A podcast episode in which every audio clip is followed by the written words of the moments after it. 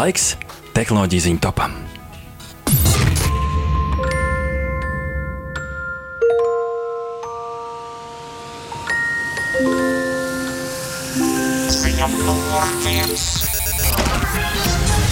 Daudz laimes! Pirmā ziņa digitālajās brokastīs. Domāju, ko tad lai ieservē kā pirmo ziņu? Nu, protams, par Latviju un par mūsu kultūras mantojumu, kas tiek digitalizēts. Latvijas Nacionālā biblioteka kopā ar partneriem izveidojusi vienotas piekļuves pakalpojumu Latvijas kultūras mantojuma saturam tiešsaistē. Tad mums ir kultūras mantojums, kas būs pieejams tiešsaistē ikvienam interesantam. Digitālās kultūras mantojuma platformā, kas ļaus vienu vietu aplūkot tūkstošiem digitalizētu tekstu, skaņas un video ierakstu, karšu, kultūras pieminiektu datu, fotonegatīvu un citu materiālu no muzejiem, arhīviem un biblioteku krājumiem. Šī projekta rezultātā Latvijas iedzīvotājiem būs pieejama virkne dažādu materiālu, kas līdz šim glabājušās fiziskā formātā muzejos un bija jādodas klātienē. Nu, piemēram, vairāk kā 150 tūkstoši fotonegatīvu, 976 tūkstoši lapas pušu tekstu dokumentu, 275 tūkstoši minūšu skaņas un video materiālu no bibliotekas krājumiem. Un tie noteikti nav vienīgie, jo biblioteka biblioteka ir uzsākusi arī grāmatu portālu grāmatas.lndb, Latvijas Nacionālā datubāze, .lv un periodikas portāla periodika.lv pilnveidošanu plašākam saturam priekš cilvēkiem pilnībā bez maksas. Jā, tieši tā. Nu, arī daudz pētnieku noteikti berzē rokas, tagad beidzot varēs ātri atrast informāciju. Bet jā, Nacionālā kultūras mantojuma pārvaldē pieminiektu uzmērīšanas rezultātā ir iegūst precīzi kultūras pieminiektu dokumentāšanas materiālu, mm -hmm. kurus arī starp citu, iespējams izmantot kultūras pieminiektu saglabāšanā un atjaunošanā. NKMP turpina arī kultūras pieminiektu pārvaldības informācijas sistēmas mantojums pilnveidošanu, attīstot to par sadarbības platformu informācijas, konsultāciju un pakalpojumu saņemšanai. Latvijas Nacionālais arhīvs savukārt piedāvā interesantiem restaurētas latviešu režisoru animācijas, dokumentālās filmas un īsmetrāžu spēļu filmas, kas pēc restaurācijas pieejamas LNA digitālajā krātuvē www.redzirdi.latviju.lv. Jā, nu šeit vēl interesants piedāvājums no kultūras informācijas sistēmu centriem, KIST, kā to dēvē. Pavisam vienkārši. Tie ir piefiksējuši 30 kultūras norises 2.lv, 2.lv, izveidojuši 15 nemateriālā kultūras mantojuma vērtību videoklipus un subtitrus, kas atrodami nemateriālā kultūra.lv, un digitalizējuši arī Latvijas radio un Latvijas televīzijas arhīvu materiālus. Tā kā liels paldies jums par to. Un tāpat arī projekta ietvaros Latvijas sabiedrībai digitālā formātā kļuvuši pieejami 50 tūkstoši muzeju priekšmetu. Un te tāda sarežģītāka adrese nedaudz nmkk.lv. Un šī gada pavasarī tika atklāta arī industriālajiem mantojumam veltīta digitālā kolekcija Industrija industrija.lndb.lv, eh, kuras būtisku satura daļu veido tieši projektā digitalizētie muzeja priekšmeti, eh, Nacionālā arhīva dokumenti, kinohronikas un fotografijas, rasējumi, citi materiāli no eh, Latvijas Nacionālās bibliotekas. Šī Eiropā ir tāda pirmā šāda apjoma starp institucionālā digitālā kolekcija par rūpniecības vēsturi. Jā. Savienojās viena vieta. Jā, un tālāk kaut kas man ļoti mīļš un tūs. No 14. oktobra pieejama arī jaunā digitālā karšu kolekcija kartes LNDB.CLV, -hmm. kurā glabājas gandrīz 4000 digitalizētu karšu plānu un atlantu no Latvijas Nacionālās bibliotekas krājuma. Karšu pārlūkā ir iekļauts vairāk nekā 100 georeferencētas kartes no 17. gadsimta kartēm līdz dažādiem mūsdienu geotopisko datu slāņiem. Ko tas nozīmē? Tas nozīmē, ka tās kartes uzlikt vienotrai virsū, un jūs varat pārslēgties starp vienu uz otru un redzēt, kas 17. gadsimts. Jā, tas ir ļoti interesanti. Kas darījās purciemā? Tieši tā, noteikti bija liels purvs. Uh, savukārt, digitālā biblioteka.CLV, kas būs sabiedrībai redzamākā digitālā kultūras mantojuma platformas daļa, tiek būtiski pilnveidota, lai nodrošinātu vienotu meklēšanu iepriekš minēto iestāžu muzeju un daudzu citu satura turētāju digitālajos krājumos. Latvijas Nacionālā biblioteka kopā ar partneriem veido to par vienotas piekļuves pakalpojumu Latvijas kultūras mantojumam tiešsaistē, kā arī attīst iespējas mūsdienīgām izziņas vajadzībām un ikdienas atklājumiem. Tā kā skatāmies digitālā biblioteka.CLV. Jā, patiešām būs ko rakt un rakt, un iedomājieties, cik daudz zinātniskā pievienotā vērtība. Zinātniskie darbi skolās vairs nekad nebūs tādi kā agrāk, vai ne? Lūk, kāda pirmā digitālā brokastu ziņa, taču dodamies tālāk.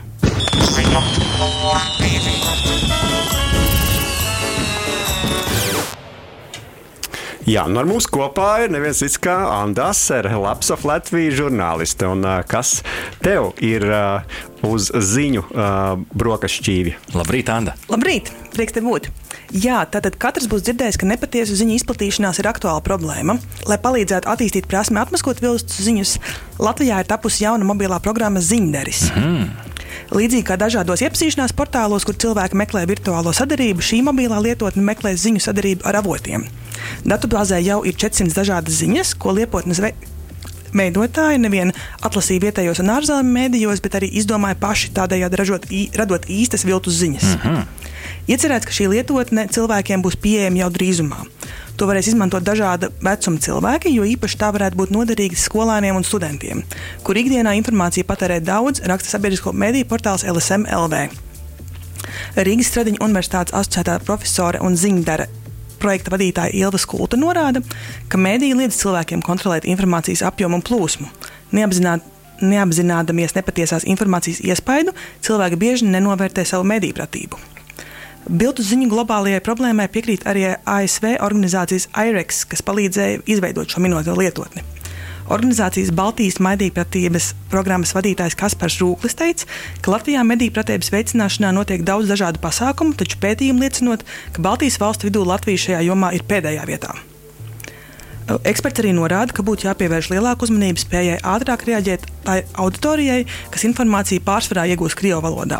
Tāpat arī jauniešiem, kuri mazāk izmanto kvalitatīvos tradicionālos mēdījus un biežāk cieš no dezinformācijas. Jo bieži vien informācija uztver sociālajos mēdījos, kur tā nevienmēr tiek pārbaudīta un profesionāli sagatavota. Jā, nu, Anna, mēs runājam šeit kopumā par tādu lietu kā mediju nepratību. Jā, varam teikt, arī tā drīzāk nemedīja nepratība. Cik liela problēma tav, no tavas perspektīvas tā Latvijā ir? Par to patiešām runā daudzi, bet uh, vai tu pievienojies arī lietotnes autoru teiktiem? Nevar nepie, nepiekrist, sevišķi, ja mēs skatāmies, kas notiek īpaši kutelīgās situācijās, kad ir vēlēšanas, kad ir pandēmija, kad sākas karš tad, tad redzot visus tos brīnumus, kas ir sociālos tīklos, tiešām ir pilnīgi skaidrs, ka mediju pratība ir liela, liela problēma. Mm -hmm. Un eh, kas varbūt uh, ir tie veidi, kā tu pārliecinies, ka konkrēta ziņa ir vai nav patiesa?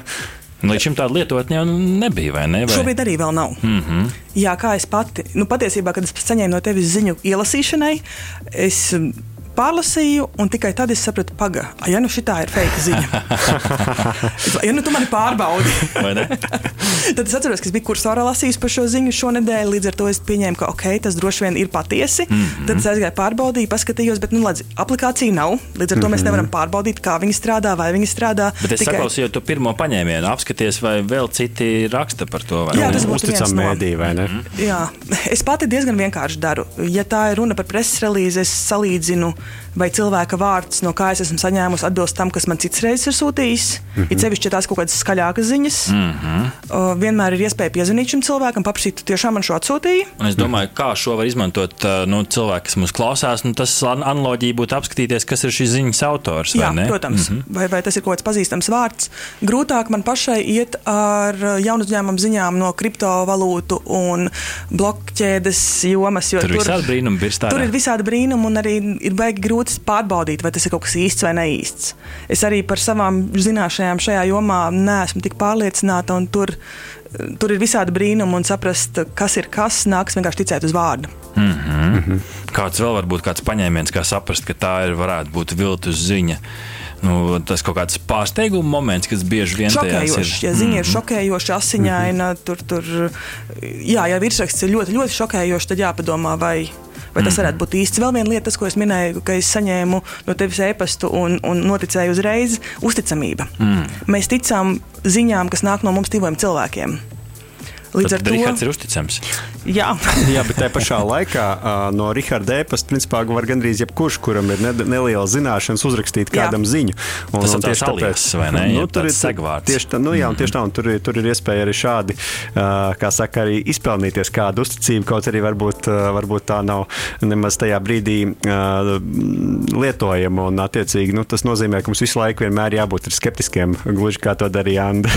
jā, un līdz ar to vēl jau vairāk, ja mēs redzam, redzam šokējošas, skaļas ziņas sociālajos mēdījos, arī tur jāapskatās, kas viņi ir padalījies ar šo ziņu. Uh, un tāpēc jo īpaši uzmanīgiem jābūt cilvēkiem ar lielu atklātāju skaitu un ar augsto, augstos amatos, ar lielu labu reputāciju, kuri ir īpaši jādomā, ko viņi saka. Mm -hmm. Mm -hmm. Man kā reiz tieši šodien, nākot uz Latvijas radio, man teica, atrakstīja. Viņš man atrakstīja, atsūtīja ziņu, kur, viņš, kur ir bilde, nu, kur kāds ir iemontējis iekšā tādu smuku cenu uz konkrēta ražotāja urmašīnām. Nu, praktiski lieta, urmašīnas. Un klāt rakstīta aptuveni ziņa tāda, nu, ka šī uh, konkrētās urmašīnas ražotājs ir aizvēris Baltijā vienīgo ražotni un visas savas urmašīnas atvedis uz Latviju. Un tagad visas tās pārdod par 2 eiro gabalā. Un aicinājums tālāk tekstā uzspiediet uz saites, un tad jau viss notiek, dabūsi atlaides kuponu. Un tas, kas ir pārsteidzoši, ka no tādiem pavisam reāla paskata cilvēku kontiem apakšā ir komentāri, ka viņi raksta, nē, nu es neticēju, bet nu manā priekšā stāv urmašīna, un turpat ir reāls bildes ar šīm turmašīnām apakšā. Un beigās, kad tu papēti, tu saproti, nu kaut kas tomēr nav tīrs. Kāpēc? Lai liels ražotājs vienkārši par gan īsi pliku velti vestu urmašīnas uz Latviju un vēl pārdot par diviem eiro. Un, un vispār, vai Baltijā apkārt, kāds ne? ražo urmašīnas? Arī, vai jā. ne? Nu jā, viss, kas uh, ir, ir pārāk labs, lai būtu patiesība, parasti nav patiesība. Bieži vien tā arī ir. Nu, kā tu, Andris, kopumā skaties uz šo lietotni? Vai, bū, vai tā būs tā, nu, tā unikālā lieta, kas mums beidzot izglābs, vai arī ar šo nepietiek tomēr? Cerēsim, ka tas būs viens solis pretīm tam, lai būtu labāka situācija cilvēkiem. Man, es teikšu, ka iespējams, manuprāt, man šķiet, mm -hmm. ka cilvēkiem patīk tādas lietotnes, kur tu vari vienkārši jā, nē. Uh, pasvaipot pa labi, pa kreisi, cilvēkiem kaut kas tāds, kas ir vienkārši lietojams, šķiet saprotams. Tas varētu būt viens, viens no rīkiem instrumentu kastītē, kā mm -hmm. mācīties labā, labāk atšķirt, atšķirt ziņas. Tieši tā, un tie spēļošanas elementi mūsdienās cilvēkiem patīk. Tā kā labs veids, vēl viens instruments, kā mācīties. Jā, katrā ziņā kritisko domāšanu līdz ar šo lietotni mēs neizslēdzam, to mēs vienmēr paturam ieslēgt. Dāmas un kungi, teiksim lielu paldies Andai, kur pievienojās mums šajā rītā uz ziņu numur divi. Paldies, tev, Anda! Paldies! Ziņa numur trīs. Un dzimšanas dienas kūks svecītēm dziestot un dūmiem izgaistot uh, gaisā, mēs aicinām pie mums Keitiju Krastiņu, portāla kursors tehnoloģiju ziņu autori. Labrīt, Keitija! Ko tu mums esi sarūpējusi? Tā mana ziņa. Vienā kartē apvieno Latvijas koplietošanas transporta sniedzēju piedāvājumu. Dažādu koplietošanas transporta līdzekļu skaits manāmi aug, un to mēs redzam pirmkārt jau Rīgā, un mhm. otrkārt jau arī citās Latvijas pilsētās, kur šie braucamie ar vienu pieaug. Tāpēc ir īstais laiks, lai pie Latvijas iedzīvotājiem nonāktu kāda jauna, skaista iespēja, precīzāk lietotne, ko piedāvā neviens cits kā jauns ņēmums Vūmlī. Lietotājiem ir iespēja vienu vietu, precīzāk vienā kartē, aplūkot visus braukšanai pieejamos koplietošanas transporta līdzekļus, kas ļaus ātrāk un ērtāk atrast sev tuvāko un piemērotāko braucamo. Šobrīd platformā pieejama informācija piemēram par Bolt, kā ar Guru, Citybee, Fixi, Nextbike, OX Drive, Ride un Skoku transporta līdzekļiem, bet uh, drīzumā to skaitam pievienosies uh, vēl daži, piemēram, uh, tūlīt. Līdz ar to lietotājiem ir iespēja uh, rezervēt sev braucamo sākot no elektriskajiem skrejriteņiem līdz pat Teslām. Un, jā, pakalpojums pamatā darbojas Rīgā, bet ir aktuāls arī citās Latvijas pilsētās, kur šie koplietošanas transporta līdzekļi ir pieejami. Pati lietotnes darbība ir gaužām vienkārša. Lietotājiem ir jāaktivizē sava lokācija mobilajā tālrunī un atverot lietotni, jāatrod kartē tuvākais braucamais. Mhm. Un viss, kas jādara, lai to rezervētu, ir jādodas uz attiecīgā koplietošanas transporta sniedzēja lietotni un jārezervē sev tuvākais pieejamais braucamais. Mhm.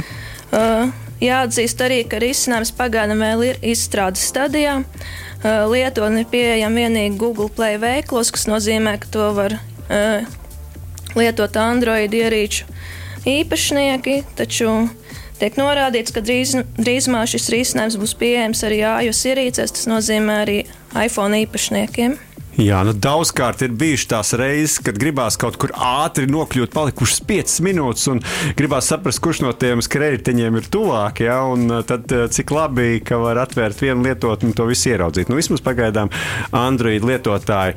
Nu, tā ir viena situācija, bet uh, Ketī, cik kopumā tev šķiet aktuāli šāda vajadzība pēc tādas lietotnes, kas agregē visus šos datus? Savāc, jā, kopā. Manuprāt, diezgan aktuāli. Tāpēc, ka Latvijā ar katru gadu pieaug šo koplietošanas transporta līdzekļu skaits, un turklāt tie ir vairāk ne tikai Rīgā, bet arī citās Latvijas pilsētās, kas kļūst aktuālāk arī mm. uh, citiem iedzīvotājiem. Tāpēc, uh, jā, man šķiet ļoti forši, ka ir šāda iespēja, ka tu atver lietu un vienu vietu ir iespēja redzēt visu pakalpojumu sniedzēju piedāvātos eh, braucamos un mm. izvēlēties savu tuvāko. Mm. Man šķiet, ka ir atrasts tāds labs vidusceļš starp izdarām kaut ko liederīgu un izdarām kaut ko sarežģītu. Jo, kā jau tu Keitija teici, šīs ir vairāk kā tāds agregators, tas savāds kartē, un tajā brīdī, mm. kad uzspied uz konkrētā braucamrīka, tad jau tev ir jābūt tā braucamrīka īstajā lietotnē, kur jau tev tālāk ir pievienot kartes datu un vispārējā sensitīva informācija, ko šī lietotne neapstrādā. Līdz ar to tiešām šis ir vairāk kā tāds nu, kopskats uz visu pārējo. Nu, no vienas puses jau tam gala lietotājiem ir vienalga, vai ne? Nu, kurš kurš brauc, braucamrīks, jau viņi plus mīnus jau mūsdienās dara vienu un to pašu. Nu, tad jautājums par cenu laikam. Tas ir tas, kas izšķir visu. Jā, nu, piemēram, ja izvēlēsies Teslu, tas būs jau nedaudz dārgāks pakalpojums. Nu, bet, nu, piemēram, elektriskajiem skrejteņiem, tomēr tas ir pieejamā, pieejamāks. Un Jā, bet arī atkarīgs no vajadzībām, ko tu gribi nokļūt, kurā vietā tev jābūt. Jo arī tā infrastruktūra ne visur ir tāda, tādā stāvoklī, ka var, mm. piemēram, ar elektrisko skrejteni braukt. Jā, un arī starp citu, dažādām skrejteņu firmām ir uh, ierobežota vieta, kur vispār to skrejteni drīkst atstāt. Līdz ar to tas arī nav vienāds. Jā, jā jo te, šajā lietotnē tu neredzēsi, kur tu varēsi aizbraukt. nu, jā, bet tu būsi droši vien jau atvērs to oriģinālo lietotni, tad tur gan jau apskatīsies. Kā tu no savas personīgās, subjektīvās perspektīvas šobrīd skaties, cik uh, izdevīgi un, un parocīgi ir šie koplietošanas braucam rīki, vai tie spēlē arī nopietnu lomu tavā ikdienā? Uh, ikdienā es nedzīvoju Rīgā, bet es mm esmu izmēģinājis, piemēram, šo pašu OX drive mm -hmm. lietu un diezgan saprotama, mm -hmm. iespējams ātri rezervēt braucamo. Mm -hmm. Es to arī pamēģināju vasarā, mm -hmm. diezgan interesanti bija.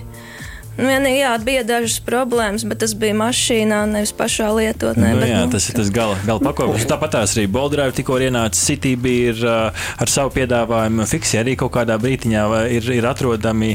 Uh, līdz ar to tie, nu, tiešām tas piedāvājums kļūst ar vien plašāks. Kā ar tevi? Cik ļoti tu paļaujies uz tiem? Es patiesībā tajā brīdī, kad man nav transporta vai man vajag nobraukt īsu gabaliņu centrā, tad es pamatā paļaujos uz tiem mm. koplietošanas uh, transportiem, jo ar mašīnu aizbraukt uh, sastrēguma stundā centrā kaut kur ir, nu, manuprāt, sarežģīti, diezgan sarežģīti. Tad ir labi, ka vai nu pat ķērienam ir tas elektriskais skrejtenis, un nu, es nevienmēr esmu gatavs bagāžniekā vadot, vadāt līdzi savu skrejteni. Nu, tad, mm -hmm. ir, tad ir labi. Kā jau teicu, um, ir, ir labi, ka vienā lietotnē var redzēt vairākus. Tikai, uh, nu, jā, uh, droši vien, ka jāpamēģina, cik tā lietotne vispār, vispār ir jēdzīga man vēl nesnāca, vēl ne, man vēl nesnāca izmēģināt, bet nu, droši vien būs jāpamēģina. Kā es dzirdēju, tad viņi arī šobrīd speciāli motivē testētājus. Tur ir kaut kāds motivācijas programma apakšā, kā nekā jaunu uzņēmumu pirmā, tātad MVP, jeb šo mazākās, pie, mazākās vērtības versiju, tas pamat kodols tur iekšā, bet nu, nav vēl apaugusi līdz ar to. Mm. Laiks testēt, laiks skatīties, un tad jau redzēsim, cik tā ir praktiski noderīga. Paldies, ka pievienojies mums Paldies, uz digitālu brokastu ziņu numur 3, dāmas un kungi, Keitija Krastiņa. Paldies! Tev. Paldies!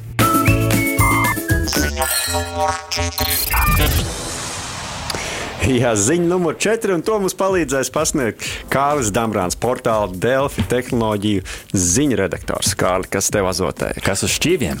Labrīt, man uz šķīvi ir sports. Aiziet! Ļoti atbilstoši man.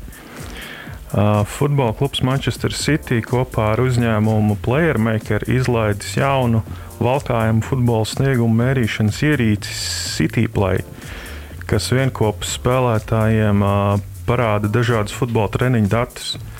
Ierīci, kura jau līdz šim izmantota kluba akadēmijā, pēc kluba pārstāvju teiktās sniedz atzīmi spēlētājiem par tā kritiskajām futbola prasmēm, piemēram, viena piesitiena piespēlēm, driblingu spēlētāju skriešanas ātrumu un izveicību. Cityplay sensoru spēlētājs valkā uz futbola apaviem, un tas ir sapārots ar īpaši izstrādātu lietotni, kas arī sīkāk paska paskaidrojot dažādu datu nozīmi. Papildu datiem lietotni piedāvājot arī treniņu aktivitātes, kuras spēlētājs var praktizēt vai nu vienatnē, vai ar komandas biedriem.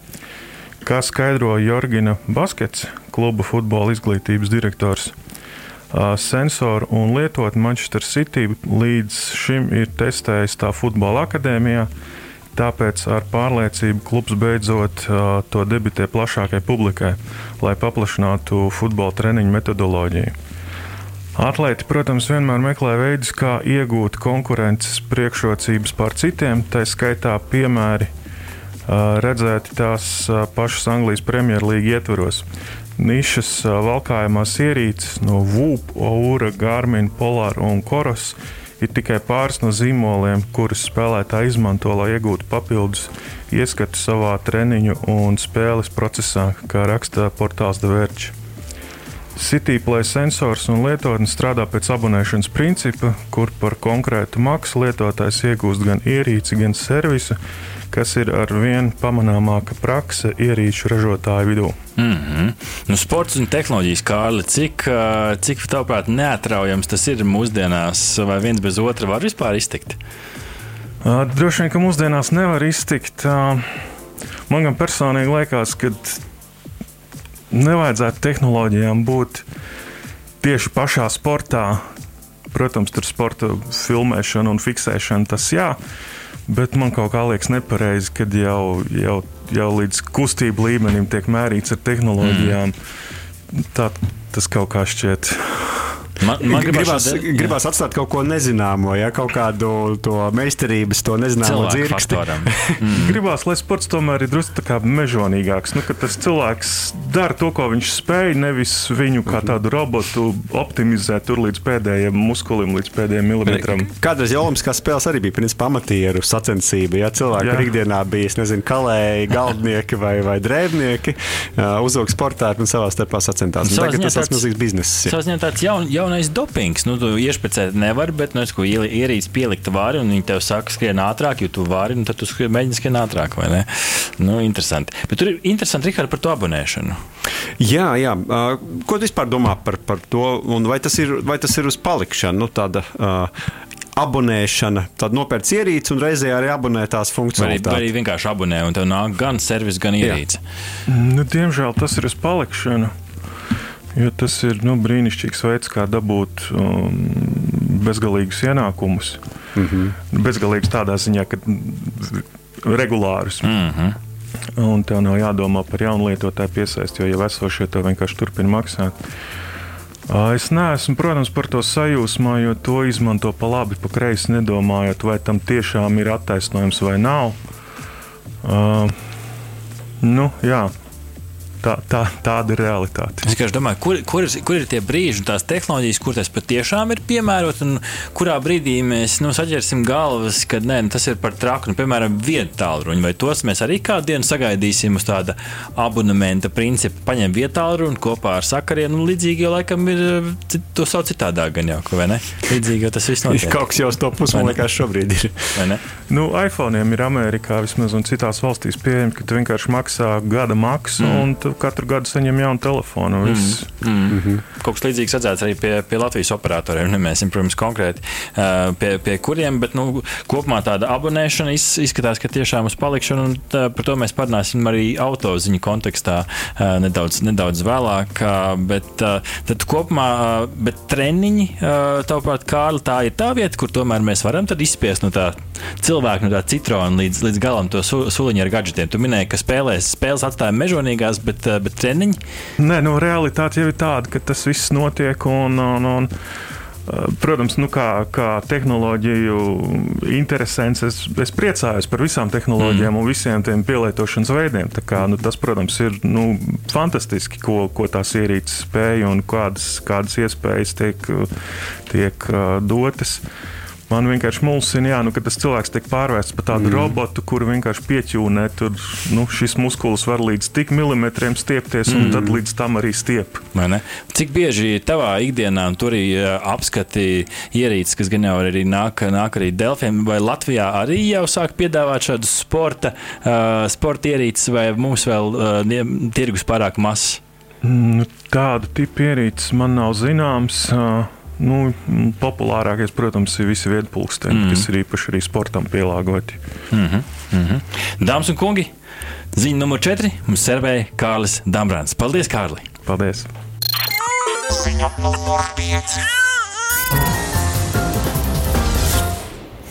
Un eh, ziņu numur 5 digitālajās brokastīs šonadēļ servē un pie mums pie digitāla brokastu virtuālā galda aicinām nevienu citu kā Māri Bergu, Latvijas radio sporta žurnālistu, bet brīvajā laikā Māris ir portāla kursors, auto redaktors. Māri, lūdzu! Sveicināti kolēģi, sveicināti klausītāji! Jā, tad, tad mana ziņa ir par to, ka tehnoloģija uzņēmums Google un frančūžu autoražotājs Renault ir paplašinājuši savu sadarbību, lai attīstītu dažādas autoprogrammas programmatūras nianses. Nu, līdz šim tātad šī sadarbība paredzēja, ka Renault un uh, viņu zīmola mašīnās, tātad arī Fasija, Alpīna un Mobilize uh, tiek izmantoti Google pakalpojumi, tad precīzāk Android sistēma tiek izmantot mašīnās.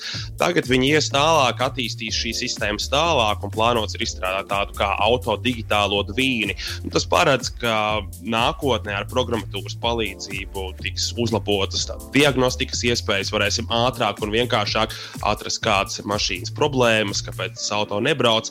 Tāpat uh, mašīna varēs vadītājiem saulēcīgāk ziņot par apkopju nepieciešamību. Tā arī, protams, ir aktuāla lieta.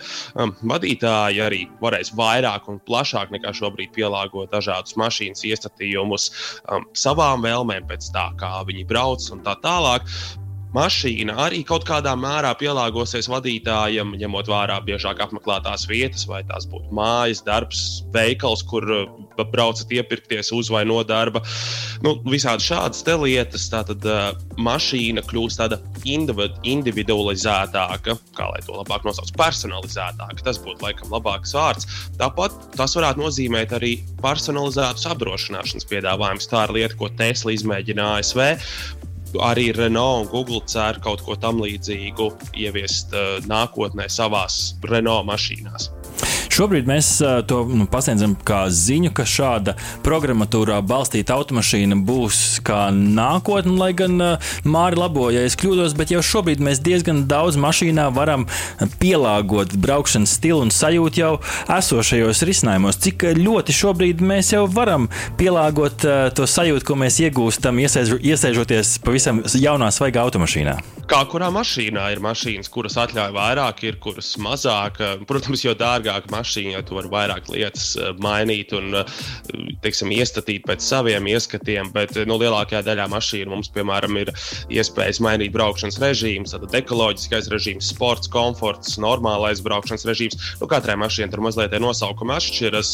Tāpat ir mašīnas, kur ir individuāli uzstādāmi regulējumi, piemēram, stūris iekārta sporta, balsts iekārta, mums ir komforta iestatījumā un dzinējs ar ātrumu kā ar barīgu sporta režīmā. Nu, tātad varam individuāli šīs pozīcijas salikt. Tā kā ir arī tāda lieta kā mood lighting, jeb eh, noskaņojuma apgaismojums, tātad smukas lēta gaismiņas mašīnas salonā, dažādās vietās, gan pa perimetru, gan viskaut kur, kur mēs varam mainīt krāsas. Teiksim, vakarā braucot, mašīnas salons, piemēram, tādā dzeltenīgā, vai zilganā, vai jebkādā citā krāsā. Tur būs izkrāsots tādu noskaņu, radīs tā vai to arī mēs varam personalizēt. Nu, protams, ir vēl dažādas lietas, bet tas tiešām ir atkarīgs no kā kurā automašīnā. Mārķis, man arī tāds jautājums, ko realitātē praktiski nozīmēs tas, ka par manu, nu, principā par mūsu visu braukšanas stilu, visu detalizēti zinās apdrošinātāji. Un vispār, cik reāli tas viss Latvijā? Tas ir labs jautājums, cik reāli tas ir Latvijā. Nu, droši vien jāsāk ar to, ka jāapzinās, ka mūsu tirgus ir ļoti mazs, eh, it īpaši jauna auto tirgus ir tiešām neliels priekš tādu nopietnu autoražotāju. Līdz ar to, cik viņi būs ieinteresēti kaut ko tādu šeit ieviest, tas ir ļoti labs jautājums. Un mēs to redzam daudzos citos pakalpojumos. Es tagad nevaru tādu konkrētu piedāvājumu, piemēru izdomāt uz sitiena, bet ir pakalpojums, pats esmu arī ar to diezgan nesen saskāries tu vēlēsies kaut ko iegādāties, vai kaut ko nopirkt, vai vienalga ko izdarīt, un Latvija tur nav pieejama. Vienkārši nav. Un viss tur ir Vācija, tur ir Somija, tur vienalga kas, bet Latvijas nav. Nav kā Eiropas Savienība ir kā reģions, bet Latvijas nav. Un līdz ar to es šaubos, ka kaut kas tāds tiks ieviests Latvijā. Jo jūs iedomājaties, kāds ir čakars to visu savienot, izveidot kaut kādas datubāzes, lai tas būtu iedomājieties, cik mums vispār Latvijā ir apdrošinātāji. Izveidot, lai visi to redz. Un tad vēl kaut kādus individualizētos piedāvājumus. Nu, nē. Vai arī tad ir jānoslēdz ražotājiem līgums, sadarbības līgums ar vienu konkrētu apdrošinātāju. Nu, tur ir tādas ļoti daudz nianses. Bet Tesla kaut ko tādu piekopja Amerikā, tad tur tiek fiksētas dažas dažādas lietas, ko tu dari ar savu mašīnu. Un tas ir jautājums, kā Renault gribēs šo ieviest. Tur ir ļoti daudz neskaidrību. Nu, tas nozīmē, ka vienu nevarēsim ātrumu pārkāpt. Savādāk apdrošinātājs tev piestādīs uh, lielu apdrošināšanas prēmiju. Nu jā, Bet apd- uh, tur ir arī tehniskas lietas, kas man nepatīk šajā visā, kā strādā ceļa zīmju nolasīšanas un tādas sistēmas. Arī nu, man ir bijuši visādi piedzīvojumi. Tā kā, tā kā es neredzu, kā tas varētu strādāt tuvākajā pārskatāmajā nākotnē. Jā, un ja pavisam īsi, uh, nu, kā tu redzi, cik neizbēgami ir tas, ka nākotnē iegādājoties auto ar skaistām, skaistām dažādām specifikācijām papīros, beigās iegūsim tikai to, par ko būsim sam samaksājuši abonementa maksu. Es domāju, ka tas ir pilnīgi reāli. To viss iet. To saka visi lielie ražotāji, BMW, Volkswagen grupa, Stellantis, kur arī ir vesela kaudze zīmola apakšā. Tur Peugeot, Opel, Citroen, nu ļoti daudz visādi mašīnu. Tur ir apakšā zem Stellantis. Tā kā es domāju, tas ir pilnīgi reāli ražotājiem. Tas ir vienkārši. Tu mašīnā sabāzi iekšā pilnīgi visu, kas tur ir iespējams. Pilnīgi visus loriņus, tehniskos, un tad pēc tam tad vienkārši programmatūra atķeksē, ko tu gribi lietot. Cita lieta ir par praktisko latvieti. Atradīsim hakerus, viss būs sakārtots. Viss notiek. Dāmas un kungi, Māris Bergs. Paldies, Māri, par piekto ziņu digitālajās brokastīs. Paldies, ka uzaicinājāt! Sapulcinājuši esam visus dzimšanas dienas viesus pie viena galda, un varbūt tas mūsu noslēdzošais jautājums, tā kā esam no tehnoloģiju pasaules, kā jūs šobrīd vērtējat Latvijas to tehnoloģiju ziņu sfēru, lauku, kas ir labi un varbūt eh, kur mums vēl ir kur augt? Uh, Manuprāt, tēmas ir diezgan noklātas. Varētu, protams, prasīties piemēram par vairāk saturu par uh, tām pašām kriptovalūtām, kas paliek aizvien aktuālāk. Daudz cilvēku viņas pērk ne tikai pasaulē, bet arī Latvijā. Un es domāju, ka tur varētu iedot vairāk satura. Mēs kursori arī cenšamies mm. rakstīt par to, bet nu, es domāju, arī citu vietu varētu būt uh, lielāks ziņu izklāsts par šo tēmu arī par finanšu tehnoloģijām, kas iet roku rokā ar kriptovalūtām. Mm. Mm -hmm. Anda, cik, tas, cik šīs tēmas parādās bieži tavā, tavā la, ikdienā un kā tu vērtē kopumā? Nu, cik var nokopt, tik var. Mm. Mums visiem ir divas rokas, viena galva. Un, un negribas, protams, raudāt par to veco stāstu, ka Latvija ir maza un mēs esam maz cilvēku, maz žurnālistu un maz tehnoloģiju žurnālistu.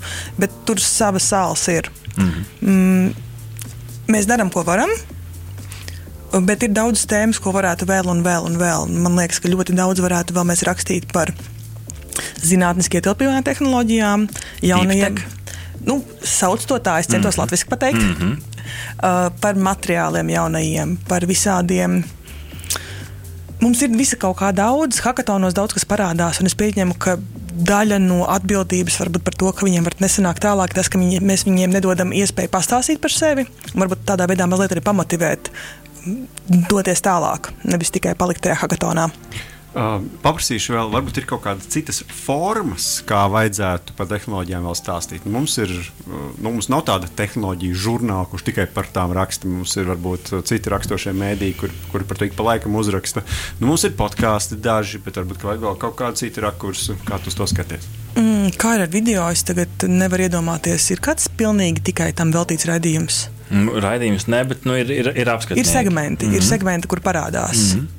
Mm -hmm. bet, bet video mums mm -hmm. nav, podkāstu mums ir, teksts mums ir. Mm -hmm. Kārli, kas tavāprāt ir tas, ko reāli augst ikdienā dzirdēt Latvijas lasītājs, klausītājs, skatītājs no tehnoloģiju pasaules? Vai šobrīd ir gana, vai tomēr ir, kā dāmas saka, kādas nenoklātas nišas, kur cilvēki tomēr prasa vēl? Šķiet, tas ir diezgan sarežģīts jautājums, jo mums neizbēgami sanāk tas, ka mums ir tas mazais tirgus, un mums ir ļoti. Nav cilvēkiem tik liela tā interese par tehnoloģijām. Mm. Grozies kā gribi, ir, ir baigi jāprot uzrakstīt, pasniegt. Lai tas tiešām cilvēku ieinteresētu. Nu, vai arī tur, protams, ar lielu mārketingu tu vari kaut kā izbliest to savu mēsīju. Uh, tēmas, tēmas visdažādākās, bet tā problēma jau ir tāda, ka tiem, kam patiešām interesē, viņi jau sen ir atraduši pasaulē. Mm -hmm. Tāpēc mums Latvijā ir jāatrod veids, kā uzrunāt nu, nezinu, nu, tādu bišķi kūtrāku cilvēku, kurš, kuram tā kā drusku interesē, bet nu, ne tik ļoti, lai viņš pats iet meklēt. Un tas ir tāds sarežģīta lieta, ar ko ir, ko ir jāpacīnās. Mm -hmm. Tieši tā, jo nu, cilvēki jau pārvalda svešvalodas un ir tās lielās svešvalodas, kurās ir pieejams gandrīz jebkas mm. par jebko. Un mēs esam starp tā, tādām divām pasaulēm, starp rietumiem, un angļuiski runājošiem, un austrumiem, un krievu runājošiem. Līdz ar to tās sfēras ir dažādas un sanāk uz divām pusēm. Sanāk tā, ka ir būtiski ieinteresēti, kā mm. Kārlis minēja, un otrs puses ir svarīgi arī pastāstīt par to, kas pie mums šeit Latvijā notiek, jo diez vai kāds angliski nu, vēstošs mēdījis, piemēram, daudz stāstīs par to, ko kāds ir spriedzis šeit Hakatonā Rīgā vai, vai kāds jaunu uzņēmums, nezinu, Daugopilī vai Lietuvā liepājā, ko ir izdarījis. Kā, nu, tas, protams, arī ir mūsu uzdevums. Mm -hmm. Man ļoti patīk, jā, kā Kārlis jau teica, ne jau tikai to stāstītāju ir maz, bet arī lasītāju. Un lasīt ra rakstīt kaut ko, ko izlasīs pieci cilvēki, ir baigi bēdīgi. Mm -hmm. Ar to ir tiešām ļoti jācenšas, bet katrā gadījumā mēs arī no digitāliem brokastiem vēlamies pateikt jums lielu paldies par to darbu, ko jūs darat ikdienā, jo mēs arī lielā mērā balstāmies uz to jūsu ikdienas darbu un to, ko jūs paveicat katrs, katrs savā mājvietā, kur nu kur pārstāv. Bet paldies, ka pievienoties mums uz septīto digitālo brokastu dzimšanas dienas raidījumu. Paldies jums! Aha! Paldies, ka noklausījāties mūsu līdz galam! Ja patika, uzspiediet laiku, atstājiet komentāru vai padalieties ar draugiem. Un nobaudiet arī citas epizodes, kā arī sekot mums, lai nepalaistu garām savu ikdienas tehnoloģiju ziņu devumu.